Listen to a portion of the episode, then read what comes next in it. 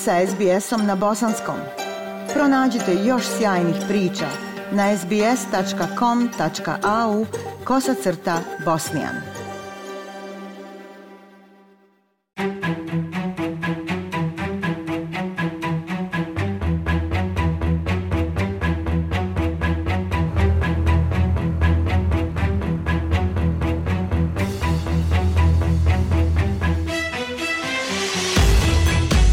Slušate SBS program na bosanskom. U narednim minutama govorimo o kockanju kao posebnoj vrsti ovisnosti. Postavljamo pitanje koliko vas kockanje zaista košta. Moglo bi vas koštati mnogo više od novca i mnogo više nego što možete priuštiti da izgubite, kako izvještava Omoh Belo. Kockanje na svakoga utiče drugačije. Za neke ljude kockanje utiče na njihove financije – ali za druge to je mnogo više od izgubljenog novca. Viši klinički nadzorni psiholog Organizacije za prevenciju, ranu intervenciju i liječenje od kockanja Gamble Aware u centralnom Sidneju. Dr. Christopher Hunt kaže da bi više ljudi trebalo razmišljati o cijeni kockanja. Želimo da se ljudi osvrnu i sagledaju širu sliku svog kockanja i razmisle o tome koliko ih um, kockanje košta, ne samo u financijskom smislu, već i u smislu njihovog mentalnog i fizičkog zdravlja, uticaja na njihov rad, i da li izaziva tenzije u kući. Problem kockanja je glavno pitanje javne politike u Australiji koje utiče na zdravlje i dobrobit mnogih pojedinaca i familija. Australci svake godine gube oko 25 milijardi dolara na kockanju, što je najveći gubitak po glavi stanovnika u svijetu. Istraživanje Australskog istraživačkog centra za kockanje pokazalo je da je 73% odraslih Australaca potrošilo novac na kockanje barem jednom u posljednjih godinu dana, a 38% ispitanika kockalo se barem jednom sedmično. Također je otkriveno da je među onima koji su se kockali skoro polovina klasifikovana kao izložena riziku od štete zbog kockanja. Savjetnica u organizaciji Gamble Aware Alice Russell kaže da financijski uticaj kockanja može biti ekstreman. They have a huge impact on people's lives.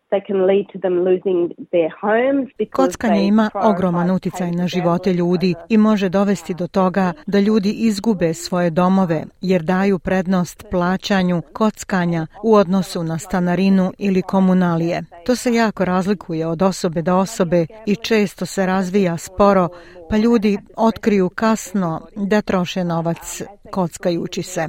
Kockanje ih sve više vuče, a moram naglasiti da to nisu svi, ali kako ih sve više vuče, onda posuđuju novac da plate svoje osnovne troškove. Tada počinju zanemarivati plaćanje stanarine ili komunalija, a sljedeće što otkriju jeste da su u opasnosti da budu deložirani iz svog doma ili da ih traže utjerivači dugova.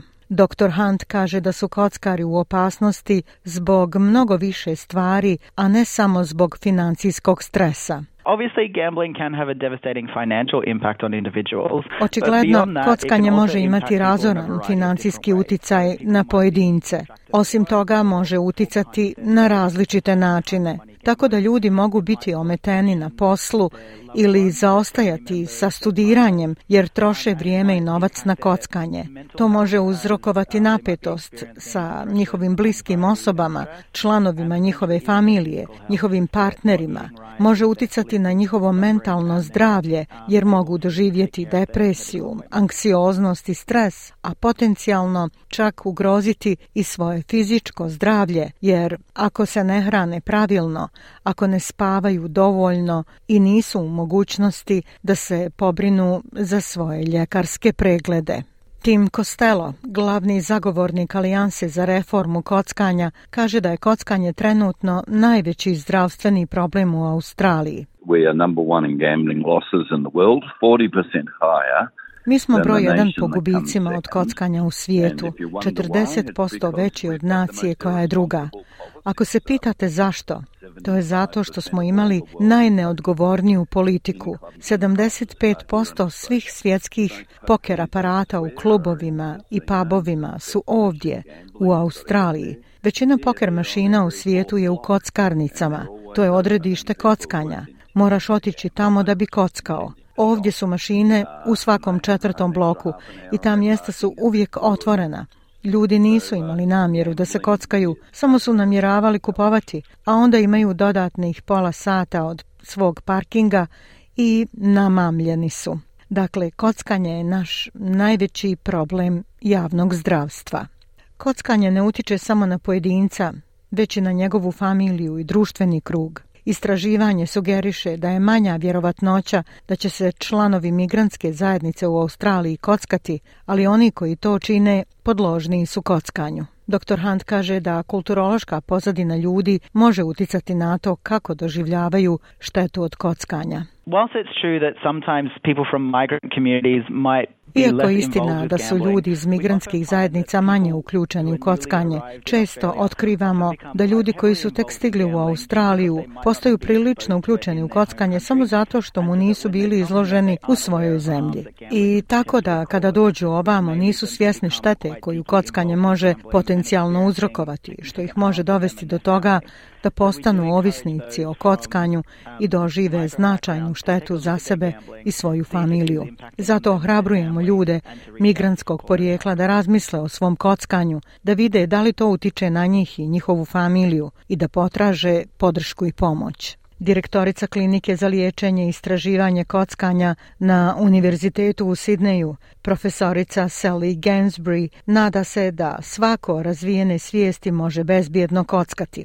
Everyone brings their own unique background, including their culture and their language and their family history. Svako sa sobom nosi svoj jedinstven historijat, uključujući svoju kulturu i jezik i historiju svoje familije kada se kocka. Svako kada se kocka treba razmisliti o tome kako se to uklapa u njihovu kulturu i uticaje kockanja, bilo da se radi o mogućnostima, utrošenom vremenu, vrstama aktivnosti koje obavlja i odnosima koje ima zaista ohrabrujemo sve da imaju zdrav odnos prema kockanju, što znači da imate dovoljno vremena i novca da vodite računa o svim različitim aspektima svog života. Kockanje je samo jedan dio zdrave rekreativne i zabavne aktivnosti. Zaista je važno da se svi kockaju na način koji osigurava da mogu pratiti sve druge važne stvari u svom životu.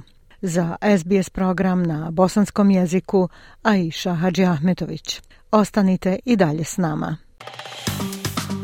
Like, share, comment. Pratite SBS Bosnian na Facebooku.